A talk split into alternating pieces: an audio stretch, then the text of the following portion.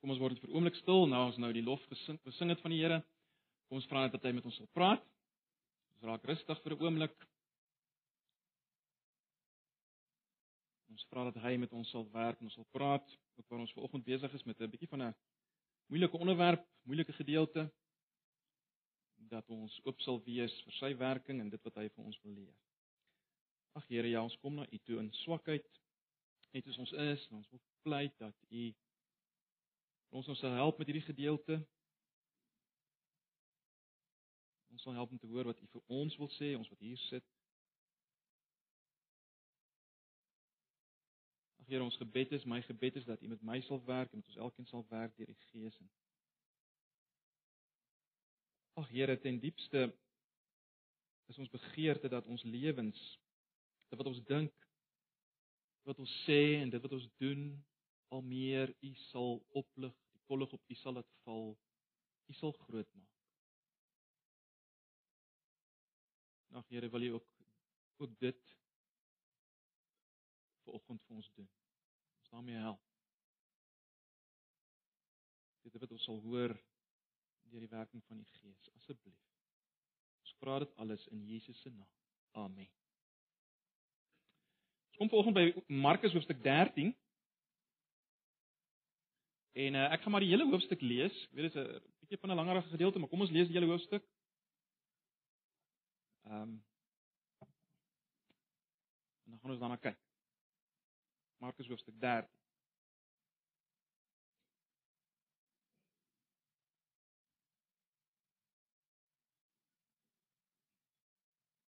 Ek gaan maar die 83 vertaling lees. Uh daar's wel hier en daar vertalingsverskilletjies, dingetjies waarmee mense kan verskil, maar uh, verskille is nie te groot nie. Markus hoofstuk 13 vanaf vers 1. Toe Jesus van die tempel af weggaan, sê een van sy disippels kom: "Here, kyk watter geweldige klippe en watter geweldige geboue." Jesus sê vir hom: "Sien jy hierdie geboue? Hier sal nie een klip op die ander bly nie, alles sal afgebreek word."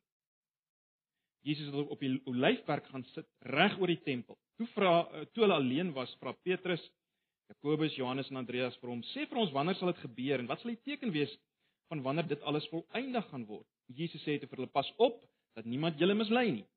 Daar sal baie onder my naam kom en sê dis ek en hulle sal baie mense mislei en wanneer julle die rumoer van oorlog en gerugte van oorlog hoor, moet julle nie verskrik wees nie. Dit moet kom, maar is nog nie die einde nie. Van die een nasie sal teen die ander te staan kom, die een koninkryk teen die ander, daar sal aardbewings op plekke voorkom, daar sal hongersnode wees." Hierdie ding is geboortepyne, die begin van die nuwe tyd. Nou hierdie geboortepyne is maar die die 83 vertaling het dit ingesit, letterlik staan daar maar net uh hierdie ding is die begin van die smarte. Vers 9 en julle moet teen julleself op hoede wees, op julle hoede wees. Mense sal julle aan die regshowe oorlewer en die sinagoges sal julle geslaan word en voor goewerneurs en konings sal julle oor my tereg staan.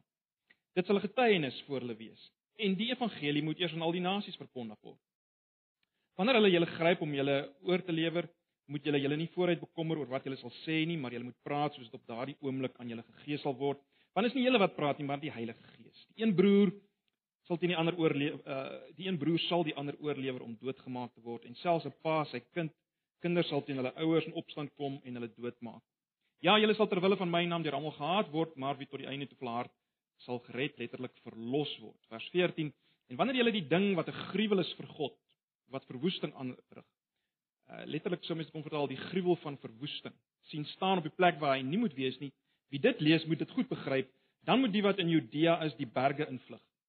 Die man wat op die dakstoep sit, moet nie ingaan om iets in sy huis te gryp nie, en die man wat op die land is, moet nie omdraai om sy klere te gaan haal nie. Dit sal bitter swaar gaan met die vrouens wat in daardie tyd swanger is en met die wat nog klein kindertjies het. Bid dat dit nie in die winter moet gebeur nie.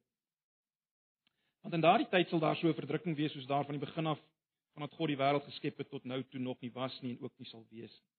En as dit nie was dat die Here daardie tyd ingekort het nie, sou geen mens dit oorleef nie, maar ter wille van die uitverkorenes wat hy uitverkies het, het hy daardie tyd ingekort. As iemand in daardie tyd vir julle sê, "Kyk, hier is die Christus," of "Kyk, daar is hy," moet julle dit nie glo nie. Daar sal vals Christusse en vals profete na vore kom en hulle sal tekens en wonderwerke doen om as dit moontlik was die uitverkorenes te mislei. Julle moet daarvoor op julle hoede wees. Ek het alles vir julle vooruit gesê. Maar in daardie tyd na daardie verdrukking sal die son verduister word en die maan sal nie skyn nie. Die sterre sal uit die hemel uh, sal uit die ruimte val en die kragte van die hemelruim sal ontwrig word.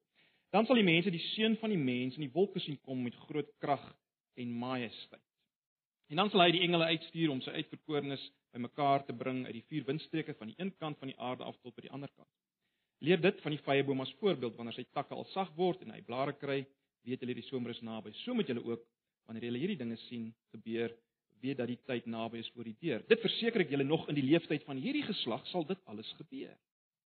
Die hemel en die aarde sal vergaan, my woorde nooit, maar niemand weet wanneer daardie dag en uur kom nie, selfs nie die engele in die hemel nie en ook nie die seun nie, net die Vader weet dit.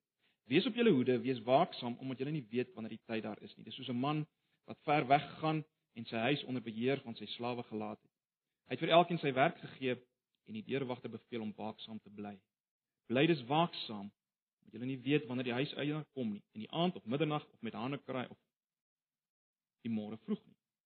Sodat wanneer hy onverwags kom, hy julle nie aan die slaap kry nie. Wat ek vir julle sê, sê ek vir almal, bly waaksaam. Dis net so ver.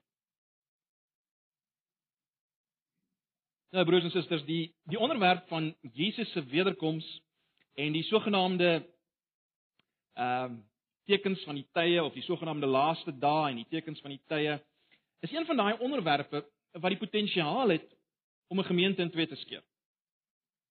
Uh dit het potensiaal om Christene wat mekaar behoort lief te hê, mekaar se vyande te maak. En ek dink julle almal het al met die tragiese realiteit hiervan te doen gehad.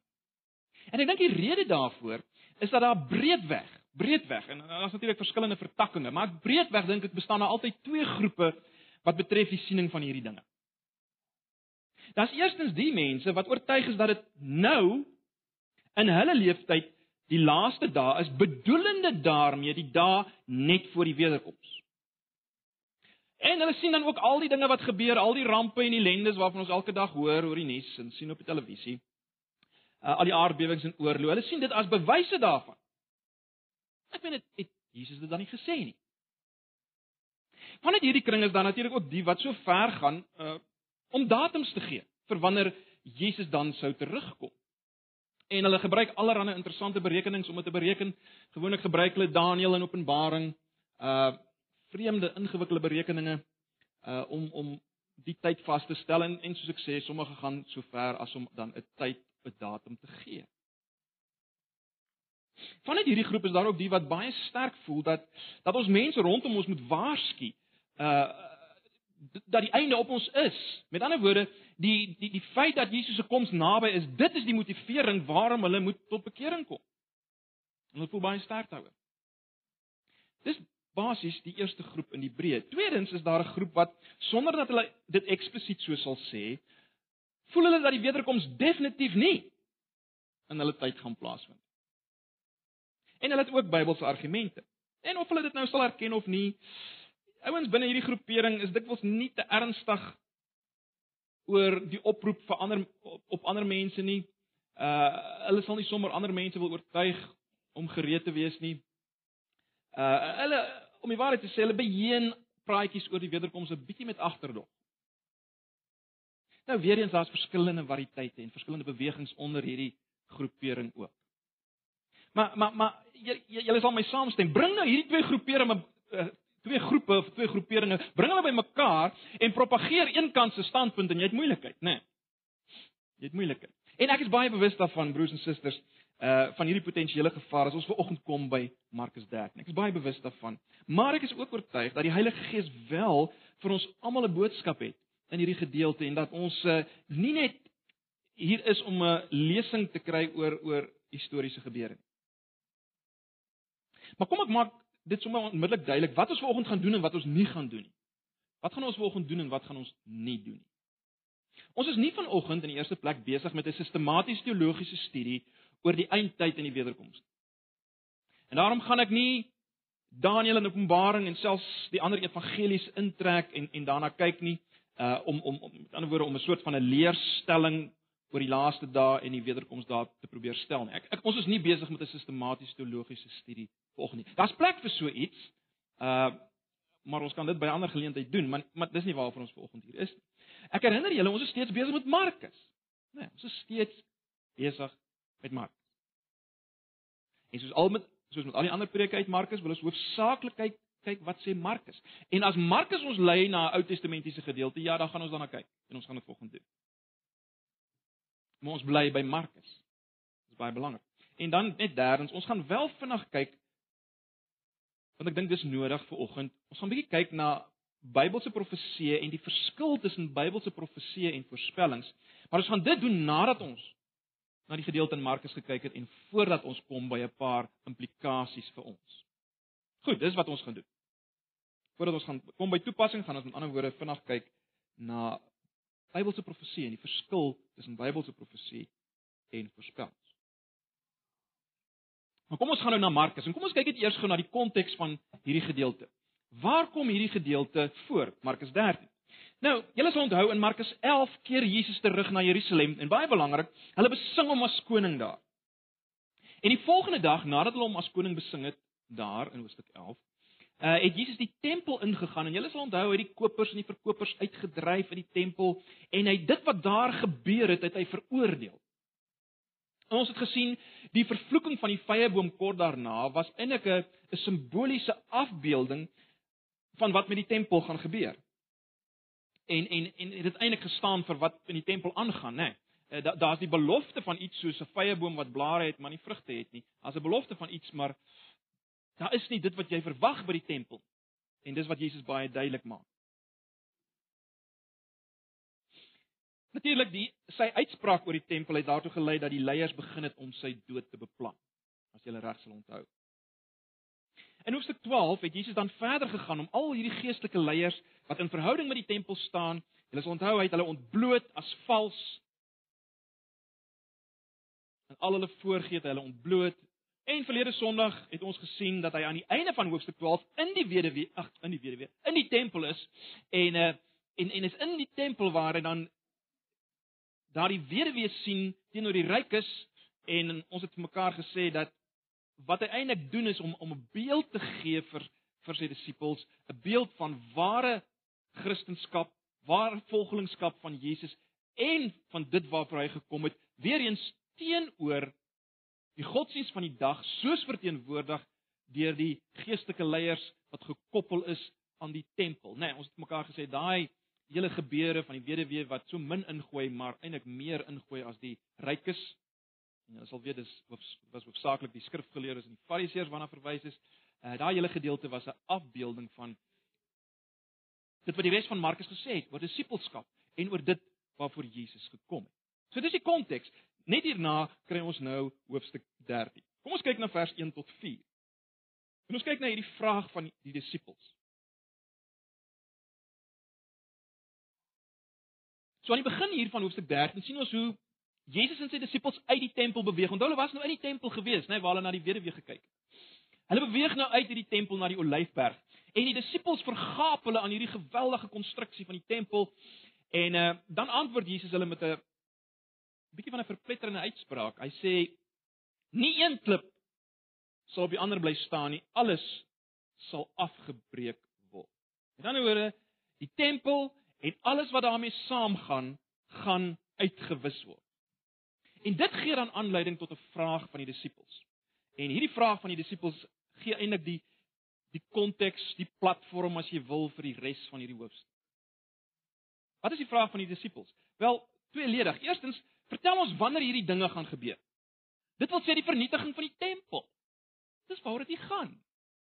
Hulle vra wanneer gaan hierdie dinge gebeur? Die vernietiging van die tempel. Dis die eerste vraag. En tweedens, wat is die tekens dat dit gaan gebeur?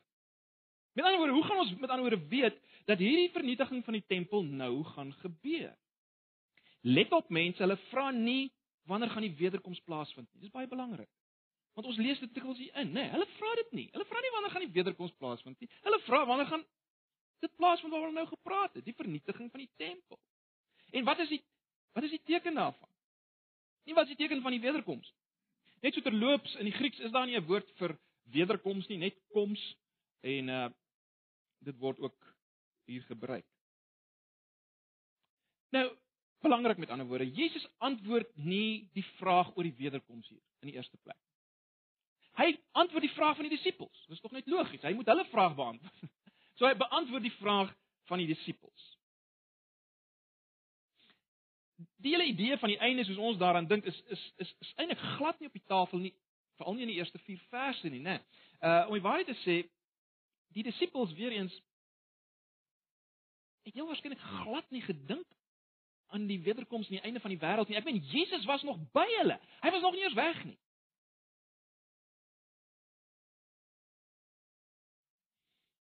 So dis die eerste 4 verse. Kom ons kyk na die na die tweede gedeelte, vers 5 tot 27, want Jesus begin nou in verse 5 en verder die disippels se vraag beantwoord, né? Nee. Nou mense kan jou voorstel, hulle sou graag 'n baie duidelike, direkte antwoord wou gehad het oor wanneer gaan die vereniging plaasvind, wat gaan die teken wees dat dit gaan plaasvind. Nee, hulle hulle wou 'n klinkklare vinnige antwoord daarvoor gehad het, maar uh Jesus se antwoord is vol dubbelsinnigheid en spanning, uh, gelaai met betekenis.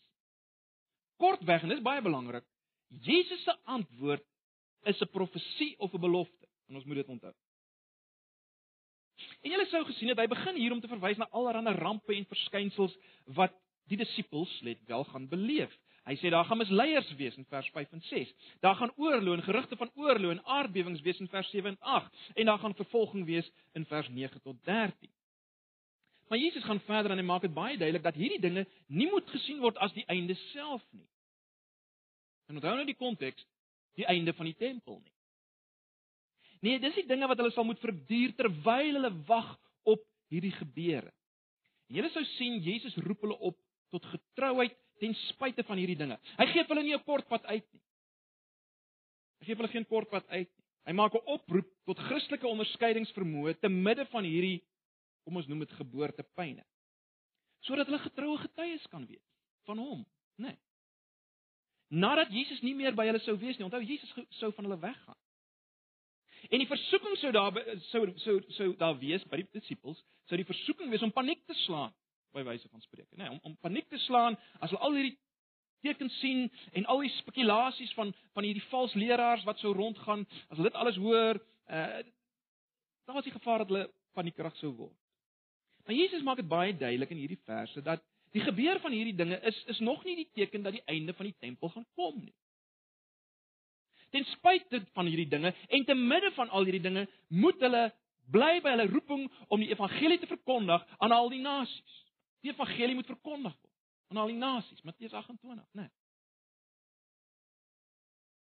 En sulke verkondiging sou julle sien van die evangelie sou die rede wees waarom hulle voor die Sanhedrin sou moes verskyn en in die sinagoges tereg sou uh, moes staan. Let wel tot 'n getuienis van Jesus. En en en die Heilige Gees wat sal kom, sou hulle help. Ek gaan julle weet dis presies natuurlik wat in Handelinge gebeur het, né? Nee. En in die sendingreise van Paulus. So al hierdie dinge is nie die teken van die einde van die tempel. Maar daar is wel een groot aanduiding, een groot teken dat die einde van die tempel aan die kom is. As hulle dit sien, dan moet hulle vlug. Die ouens wat in Judea is, moet letterlik vlug na die berge toe. Dis nie 'n oorlog of 'n aardbewing nie, dis die sogenaamde letterlik vertaal die gruwel van die verwoesting, vers 14.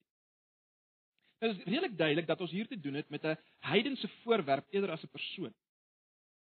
En die rede daarvoor is is, is tweeledig. Daar's 'n Bybelse agtergrond en 'n historiese agtergrond vir hierdie gruwel van die verwoesting. Daar's 'n Bybelse agtergrond en daar's 'n historiese agtergrond. Die Bybelse agtergrond kom uit Daniël 11 vers 31 wat praat van van van van hierdie ding wat in die tempel sal wees. En hierdie profesie van Daniël 11 vers 31 het sy eerste vervulling gevind in die geskiedenis van die Joodse stryd onder uh, Antiochus Epiphanes, né? Nee.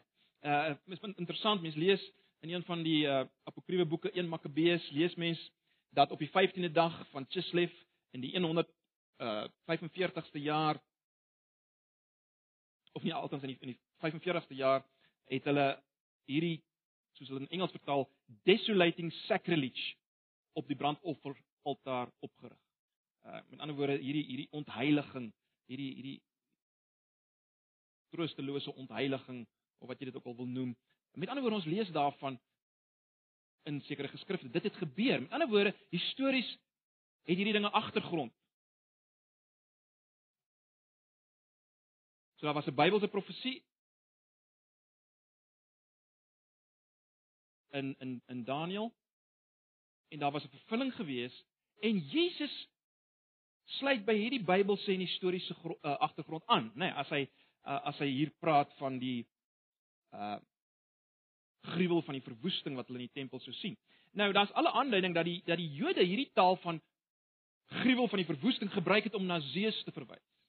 En en heel waarskynlik het ons met ander woorde hier te doen met die gedagte van 'n van 'n altaar met die beeld van die heidene god Zeus. 'n Altaar met 'n beeld van die heidene god Zeus. Met ander woorde, dis iets so iets wat Jesus waarskynlik hier voorspel het. Dat daar so iets gaan kom in die tempels, iets soos 'n altaar met 'n beeld of al so iets so iets soos 'n beeld met met Zeus op by die altaar. En die punt van Jesus is dat wanneer die getroue disippels wat nou al hierdie dinge deurgegaan het, wanneer hulle hierdie voorwerp sien, dan moet hulle na die berge vlug, né? Nee, vers 14. En dan word die geweldigheid van hierdie drukking eh, verdrukking wat sal kom in daai tyd beskryf En dis moeilik vir ons wat hier sit om die geweldigheid daarvan te verstaan. Maar maar maar doen julle self die guns en gaan lees Josefus se historiese verslag van wat hier gebeur het. Ongelooflik. Hier hierdie uh, lyding en swaar kry wat die Jode deurgegaan het tot en met die vernietiging van die tempel. Uh Josefus skryf selfs oor hoe hulle eie kinders geëet het. 'n Verskriklike goed. Nou die klimaks van hierdie gedeelte waaroor Jesus praat word gevind in hoe sal ek dit noem? Die hoogs profeties kosmies apokaliptiese taal in vers 24 tot 27. Vers 24 tot 27.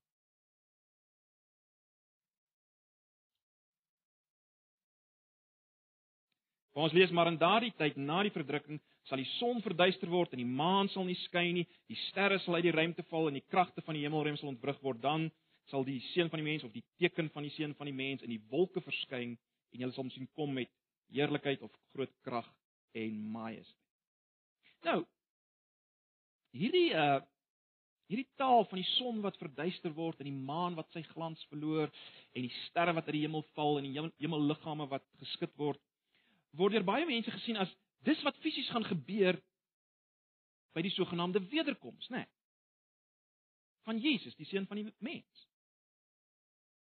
Die vraag is natuurlik is dit is dit waaroor dit gaan in die eerste plek. Ek dink tog daar word 'n fout gemaak. Daar word nie rekening gehou met deur mense met die apokaliptiese taal en beelde nie. Want dit is baie interessant as mens kyk na die res van die Ou Testament hoe hierdie beelde gebruik word om die oordeel en vernietiging van 'n volk aan te dui. Daar's baie voorbeelde. Kom ek gee net vir julle twee. In die in die oordeel teen Babel lees ons in Jesaja 43 vers 10 die volgende. Luister net na die woorde en julle sal onmiddellik hoor wat ek probeer sê want die sterre van die hemel en sy Orion sal hulle lig nie laat skyn nie. Die son is duister by sy opgang en die maan laat sy lig nie skyn nie. In vers 13: Daarom sal ek die hemel laat sidder en die aarde sal wyk uit sy plek met gebeef van die grimmigheid van die Here van die leerskare uh, of van wie die grimmigheid van die Here van die leerskare en van wie die dag van sy toorn gloed. Dis 'n profesie teen Babel. Presies dieselfde taal word gebruik. Uh, in Esegiel 32 vers 7 is daar 'n 'n oordeel oor Egipte. Luister wat sê die Here. En as ek jou uitblus, sal ek die hemel oordek en sy sterre verdonker. Ek sal die son met wolke oordek en die maan sal sy lig nie laat skyn nie. Sal dit taal, né?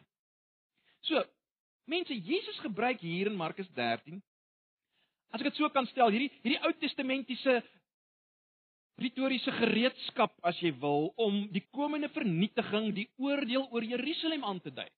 Onthou nou ons sien in die Ou Testament is daai taal gebruik van die sterre wat verval en die maan wat nie sy lig laat skyn en die son wat duister word. Dis gebruik vir oordeel. En Jesus gebruik dit hier om te verwys na die oordeel van die tempel. Maar nou, nou weet ek sal baie van julle hier sit en dink maar wag wag wag Jakobus. Verseker verwys vers 26 wat praat van die seun van die mens wat op die wolke kom en vers 27 van uh, die die insameling van die uitverkorenes. Uh verseker verwys dit na die wederkoms. Verseker verwys dit na die wederkoms. Ek meen Jesus het tog nie Jesus het tog nie verskyn op die wolke met die val van Jerusalem nie. Of het hy? Jesus het tog nie verskyn op die wolke met die val van Jerusalem nie, of het hy? Weereens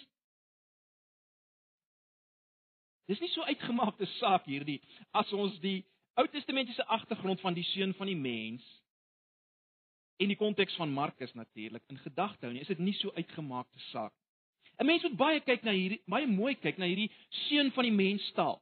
Nou uh, die meeste van julle weet nou al hierdie frase kom uit Daniël 7, maar ek wil hê julle moet gou-gou blaai na Daniël 7. En ongelukkig uh, die 83 vertaling het so bietjie dit wegvertaal jy nie heeltemal dit mee kan sien so dit letterlik daar is nie, maar julle behoort tog nog iets te sien, maar ek gaan vir julle die 53 vertaling lees.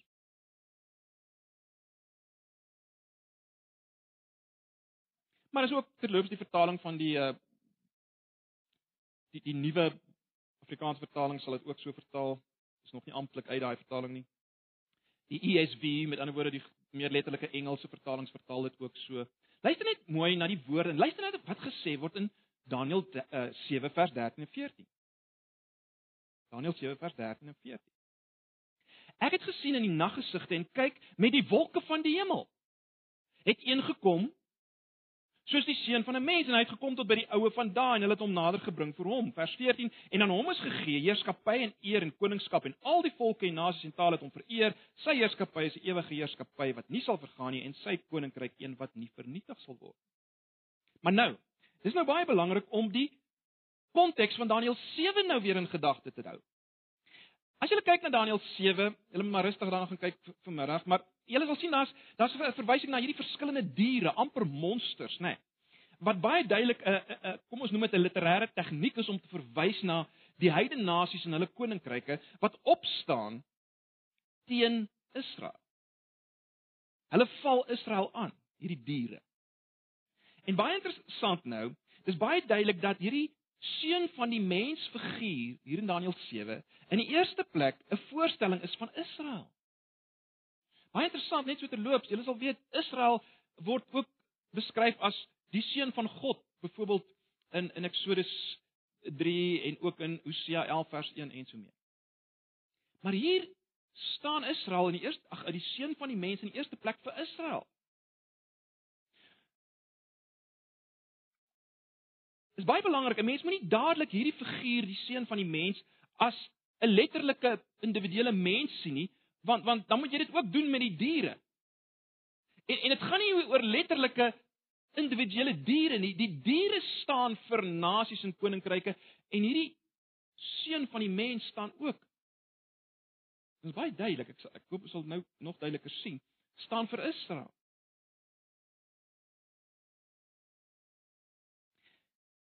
Kyk 'n bietjie na die verklaring wat as te ware in Daniël 7 vers 27 gegee word vir hierdie seun van die mens taal. Luister net 'n bietjie hierna, dan sal julle sien is nogal duidelik. Vers 27. Dan word die koningskap en die heerskappy en die grootheid van die koninkryke onder die ganse hemel, soos al daai koninkryke wat nou opgestaan het en uitgebeeld is as diere, dan word die koningskap en die heerskappy en die grootheid van die koninkryke onder die ganse hemel gegee aan luister wie? Aan die volk van die heiliges van die Allerhoogste. Israel. Hulle koninkryk is 'n ewige koninkryk en al die heerskappye sal hulle vereer en gehoorsaam gehoorsaam wees. Nou sien julle, dis presies dieselfde ding as wat gesê word in vers 14 van hierdie seun van die mens, né? Nee. Alle koninkryke of hulle koninkryk is 'n ewige koninkryk en al die heerskappye sal hulle vereer en gehoorsaam wees. Dis wat gesê word van hierdie seun van die mens. Al die volke nasies en sal hom vereer. Sy heerskappy is ewige heerskappy en so meer. So ek hoop is duidelik hierdie seun van die mens figuur in Daniël 7 staan in die eerste plek as 'n teken van Israel wat aangeval word nou deur al hierdie diere, hierdie monsters wat staan vir al die heidense koninkryk. So wat ons hier kry is dat hierdie vreemde monsters Israel die seun van die mens aanval en onderdruk, maar na 'n lang tyd van lyding word hierdie seun van die mens Israel in die reg gestel bo sy vyande. Ons lees van sy magtige heerskappy. Uh, ons lees dat hierdie seun van die mens na die oue van daar kom. Dit wil sê uh daar sal reg geskied word aan hom. Hy gaan verhoog word. Hy gaan as te ware beweeg van hemel na aarde, verhoging en en en dis die beeld wat wat ons hier kry wat hier uitgedruk word. Die magtige heerskappy van die seun. Nou mense, daar daar's absoluut geen twyfel dat dat die Jode van Jesus se dag het Daniël 7 so verstaan nie. Met ander woorde, hulle het verwag dat Israel by wyse van spreuke uit hulle ballingskap wat eintlik nou nog verduur het uh, af, nou nog aangegaan het. Uh hulle het dit nog eintlik as een stuk ballingskap gesien vandat hulle weggevoer is tot nou toe, want hulle was nog steeds onder die Romeinse onderdrukking. So hulle het daai verwagting gehad uh dat dat Israel uit ballingskap sal kom, dat God Jerusalem sal besoek, dat sy koninkryk sal bevestig word en dat Israel, dat Israel die volk verhoog gaan word. Volgens Daniël 7.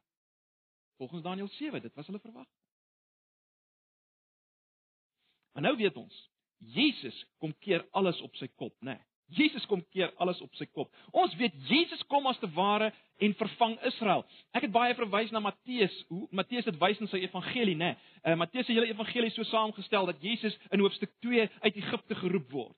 Dat Jesus in hoofstuk 3 uh deur die water gaan by sy doop soos Israel. Dat uh, Jesus in hoofstuk 4 versoek word in die woestyn soos Israel. Dat Jesus in hoofstuk 5 by die berg kom soos Israel, né? Nee. Dis Matteus, maar maar in Markus kom Jesus weer en weer en sê ek is die seun van die mens. Ek vervang Israel. Dit gaan oor my.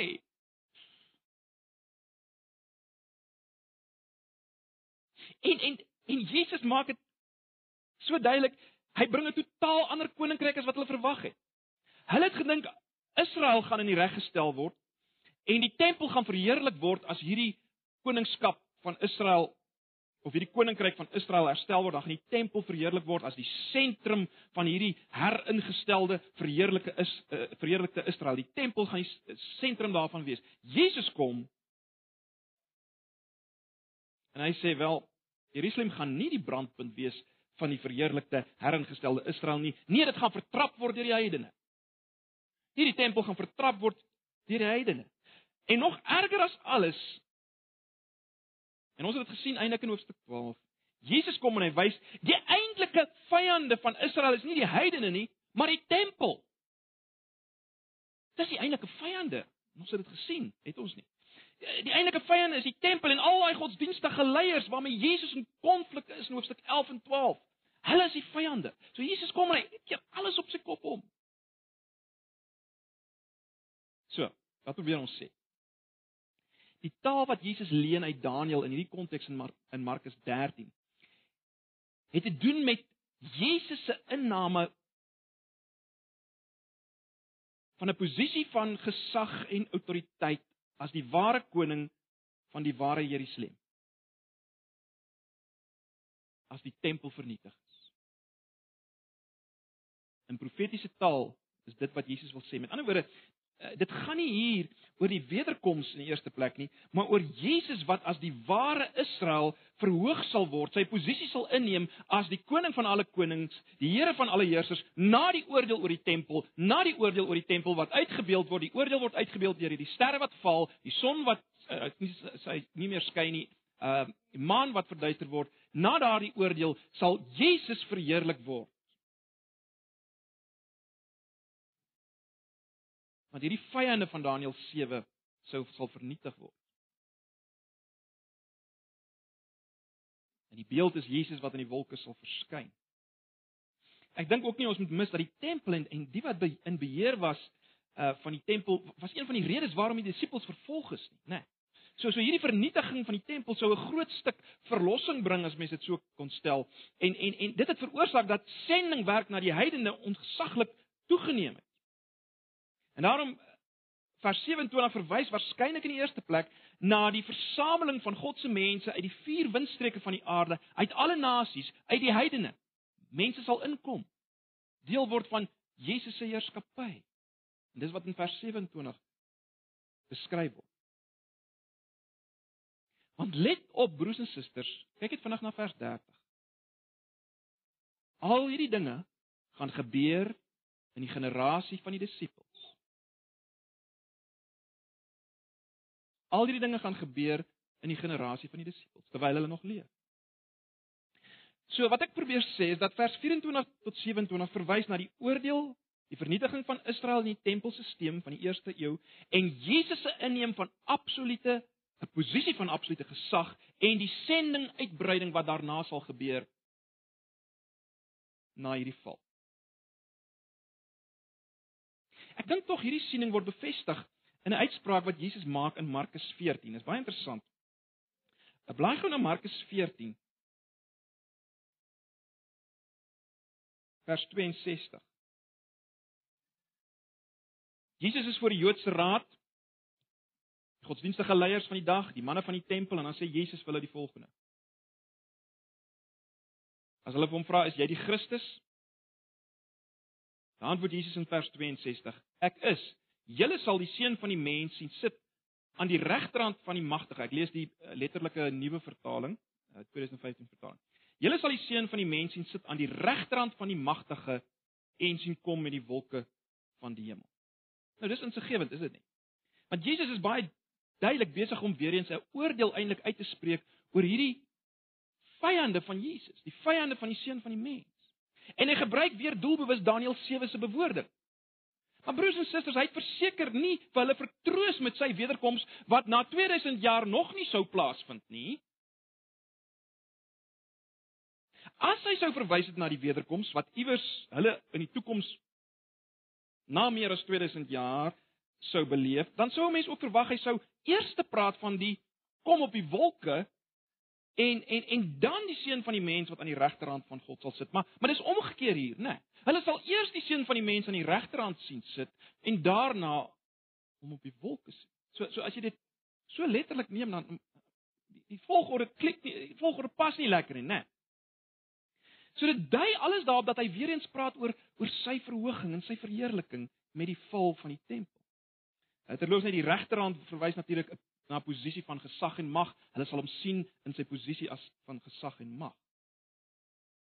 Nou behalwe vir die omkeer van die logiese volgorde, is dit so dat as Jesus verwys het na sy wederkoms wat duisende jare later sou kom, dan sou dit snaaks wees dat hulle hom in heerlikheid sou sien in die eerste plek. Uh, hulle is nie gelowiges nie. Tensy dit natuurlik sou verwys het na die oordeel voor sy troon, maar dan het ons nou weer hierdie volgorde probleem, né? Nee eers die regterhand en dan die wolke, dit maak nie lekker sin nie. Maar is natuurlik 'n nog groter rede waarom ons kan sê maar Jesus praat nie met die leiers daar oor die wederkoms nie en dis in ons gedeelte weer eens vers 30, né? Nee. Al hierdie dinge gaan gebeur tydens die lewe van die disippels en hulle tydgenote en daarom die Joodse raad. Dit gaan in hulle tyd gebeur. Kyk wat sê hy in vers 30. Lees dit in die meer letterlike vertaling. Voorwaar ek sê vir julle, hierdie geslag sal sekerlik nie verbygaan voordat al hierdie dinge gebeur het.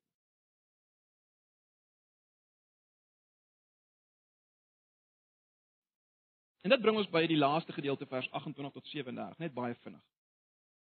In hierdie verse begin Jesus om te sê dat net so seker soos 'n vrye boom wat begin bot wys dat die somer naby is, net so is al hierdie dinge waarvan hy praat 'n aanduiding van die einde van die tempel. In vers 30, ons het nou reeds na vers 30 verwys, sê Jesus dit gaan gebeur in hulle lewenstyd. Maar dan maak Jesus dit baie duidelik dat niemand weet presies wanneer dit gaan gebeur nie, selfs nie hy self nie, maar daarom moet hulle altyd waaksaam wees. Dit kan enige tyd gebeur. Hulle moet wakker wees. So, broers en susters, dis wat Jesus in hierdie gedeelte sê. Maar nou is die vraag natuurlik, is dit nou dit? Verwys alles wat Jesus hier sê na die val van die tempel en glad nie na wat ons noem die wederkoms. Is daar enige relevantie vir ons? Nou, luister baie mooi. Ek wil dit waag om te sê dat dit op hierdie punt is waar dit baie belangrik is dat ons sal verstaan dat Jesus besig is met 'n profesie. Dit is baie belangrik om dit te verstaan. En ek het nou nie tyd om vanoggend breedvoerig daarop in te gaan nie, maar ek wil tog 'n paar opmerkings maak oor die aard van Bybelse profesie. Die aard van Bybelse profesie, net baie baie vinnig. Ons moet onthou 'n Bybelse profesie of belofte verskil radikaal van 'n voorspelling wat uitkom. Daar's 'n groot verskil. Daar's veral twee groot verskille tussen 'n blote voorspelling en 'n werklike Bybelse profesie. In die eerste plek is die verskil dit. 'n Profesie of belofte word herhaaldelik vervul terwyl voorspellings net eenmal uitkom. Kyk, as ek voorspel dit gaan môre 10 mm reën in Pretoria, dan kan daai voorspelling net waar wees as dit regtig so gebeur en as dit klaar gebeur het wel, dan my voorspelling sy doel bereik. Niemand verwag iets verder van my voorspelling van 10 mm môre nie. Nee. Nou, daar is sulke voorspellings in die Ou Testament. Daar is sulke voorspellings. Byvoorbeeld die voorspelling van Isebel se dood wat nie lank daarna presies so plaasgevind het. Daar is sulke voorspellings. Maar daardie voorspellings het 'n heel beperkte waarde en het nie regtig 'n invloed op die op die groter heilsgeskiedenis nie. Maar dan is daar die die sogenaamde profeseë op beloftes wat herhaaldelik vervul word en 'n geweldige impak op die heilsgeskiedenis het. Kom ek noem net twee voorbeelde. Daar's baie voorbeelde, hoor, maar ons het nou nie tyd vir. Ek noem net twee voorbeelde. Daar's byvoorbeeld die sogenaamde Immanuel belofte, die maagd wat sou swanger word. In Jesaja 7 vers 14. Dit is baie duidelik in vers 15 en 16 dat hierdie hierdie profesie gaan waar word in die tyd van koning Agas. Nee, daar's geen twyfel daaroor nie. Uh gaan lees ook hoofstuk 8 van Jesaja 7 is baie interessant van Jesaja uh, uh, um ja, hoofstuk 8 van van Jesaja. Baie interessant. So Daar's 'n vervulling van Jesaja 7 vers 14 in die tyd van koning Agas. Maar ons weet, dit word weer vervul met Jesus se geboorte, die maagd wat swanger word, Maria. Jy sien hy word vervul en hy word weer vervul. Dan's daar baie interessant die profesie oor die sogenaamde dag van die Here, byvoorbeeld in in Amos 5 vers 18 en 20 uh, tot 20. Nou baie duidelik is hierdie profesie uh volgens byvoorbeeld Klaagliedere 2 vers 22 en ander gedeeltes is dit baie duidelik in die eerste plek vervul in die val van Jerusalem in 586 voor Christus. Tydens die ballingskap is daai dag van die Here, daai dag van oordeel is vervul met die val van Jerusalem. Maar Petrus kom in 2 Petrus 3 vers 12 en hy verwys na die wederkoms as die dag van die Here, né? Nee. Mens sou selfs uh, kon aandui dat in Johannes die Doper se koms en in Jesus se koms en in die Heilige Gees se koms is daar ook vervullings van die dag van die Here, maar kom ons los dit maar eers. Die punt is die dag van die Here is meer as een keer vervul volgens die Bybel. So daar's herhaalde vervulling van profesie of beloftes. 'n Volgende verskil is dit. Voorspellings kom presies uit sodat mens vanuit die voorspelling presies kan aflei wat sal gebeur wanneer dit uitkom. Die ding is so voorspel so dit sal presies so uitkom. Profesie werk nie so nie. Profesie of beloftes werk anders. Hulle word op 'n baie vrye manier vervul. 'n Mens kan nie sommer uit die profesie aflei presies hoe die vervulling gaan lyk nie. Jy kan nie. Kom ek gee julle net een voorbeeld. Weerens daar's daar's heelwat. Kom ek gee julle net een voorbeeld. Joel 2, Joel 2 vers 28 tot 30 is volgens Petrus baie duidelik vervul op Pinksterdag. Dis wat hy sê in Handelinge 2 vers 16 en verder. Hy sê die profesie van die profeet Joel is nou vervul. in soveel woorde, né? Nee. Maar maar julle sal met my saamstem, dis dis nie moontlik om in Joel 2, as jy net Joel 2 vers 28 tot 30 gaan lees, dis onmoontlik om daar die uitstorting van die Heilige Gees te te herken soos dit in werklikheid uiteindelik in Handelinge 2 plaasgevind het. Jy kan nie. Jy kan eintlik nie sien hoe op aarde kan Petrus dit sê nie. Maar dit is vervul daar. Byvoorbeeld, kom ek gee vir julle voorbeelde. Handelinge Die uitstorting van die Heilige Gees weet niks van die maan wat bloed word soos Joel 2 vers 28 tot 30 daaroor praat. Ons lees niks daarvan nie.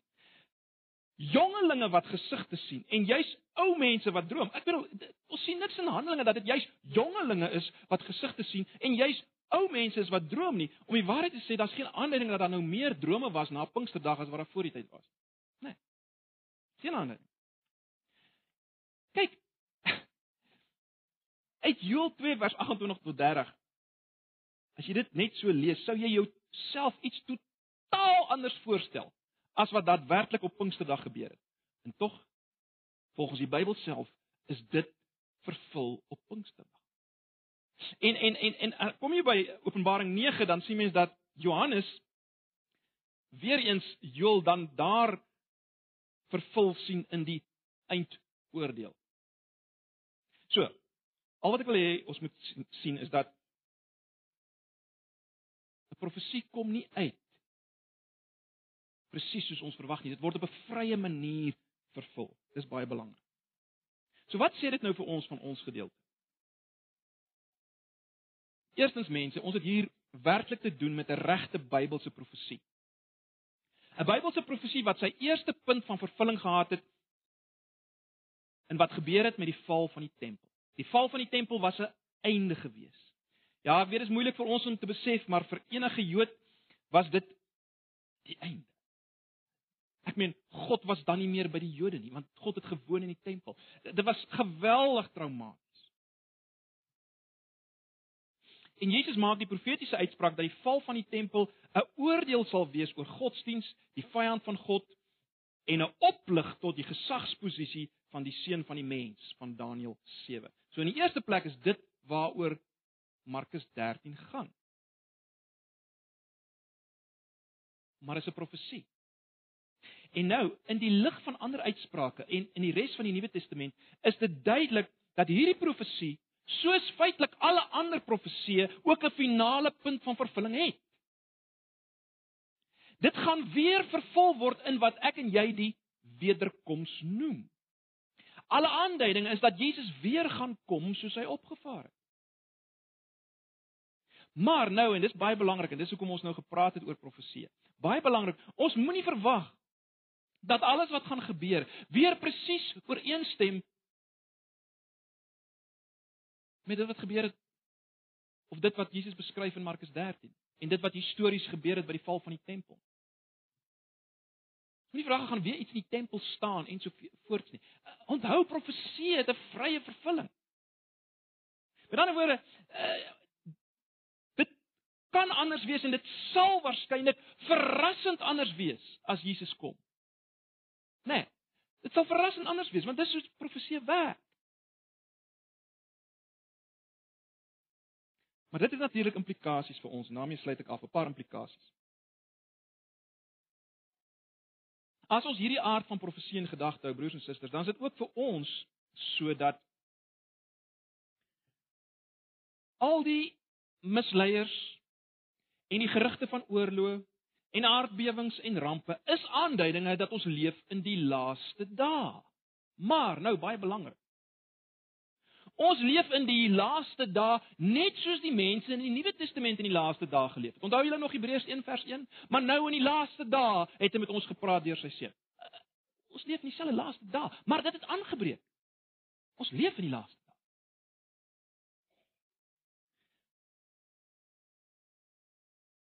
As geen aanleiding dat hierdie rampe en ellendes en aardbewings en alles gaan meer word of minder word soos ons naderkom aan die wederkoms nie, maar dit is tekens van die laaste dae wat begin het. En ons is daarin. Ons moet dit vat. Maar nou, te midde van hierdie laaste dae, moet ons voortgaan met ons werk as Christene.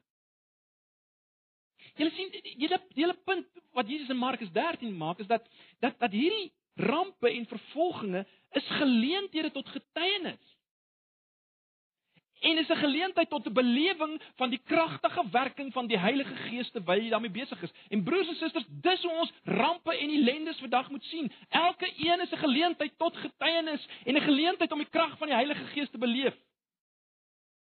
Of dit jou siekte is, en jou smarte met dood en ellende, en of dit groot rampe is in Haiti of waar ook al.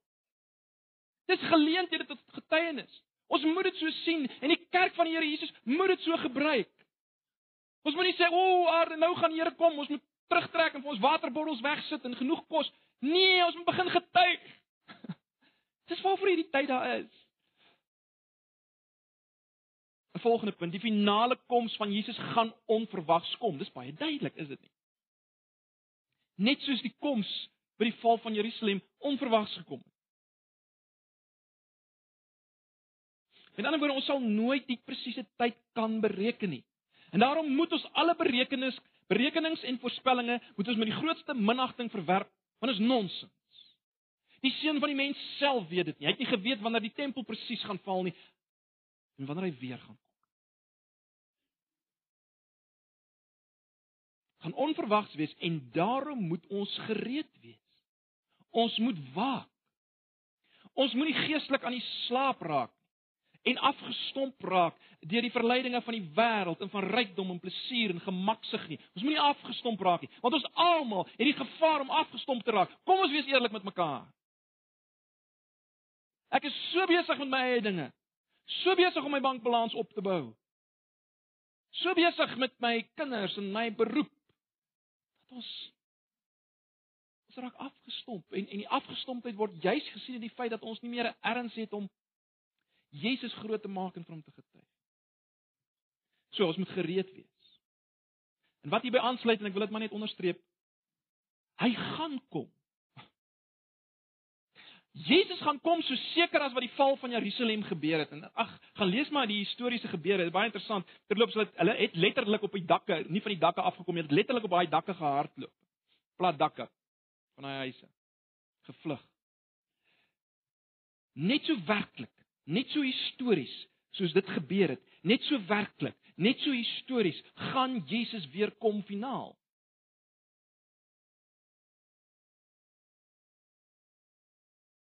En dan laastens, maar nie die minste nie.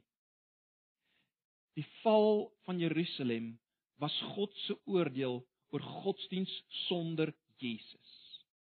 Die val van Jerusalem was die oordeel oor godsdiens sonder Jesus, oor voorgee, oor valsheid.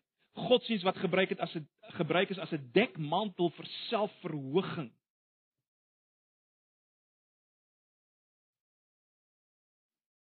Broers en susters, as Jesus weer kom in al sy heerlikheid. En God gaan ons verras, let wel, God gaan ons verras met daai vervulling van die profesie. As Jesus weer gaan kom in heerlikheid, is dit weer om grootendeels te oordeel oor valse godsdiens, godsdiens sonder Jesus. Want dis die groot vyand, is dit nie? Dis die groot vyand wat hy oorwin, is valse godsdiens. En daarom broers en susters kan ons nooit speel daarmee nie. Daarom moet ons wegbeur met alles wat in ons is van valse godsdiens, van voorgee, van rituele, van speel. En besig raak met Jesus self. Dinge van die koninkryk.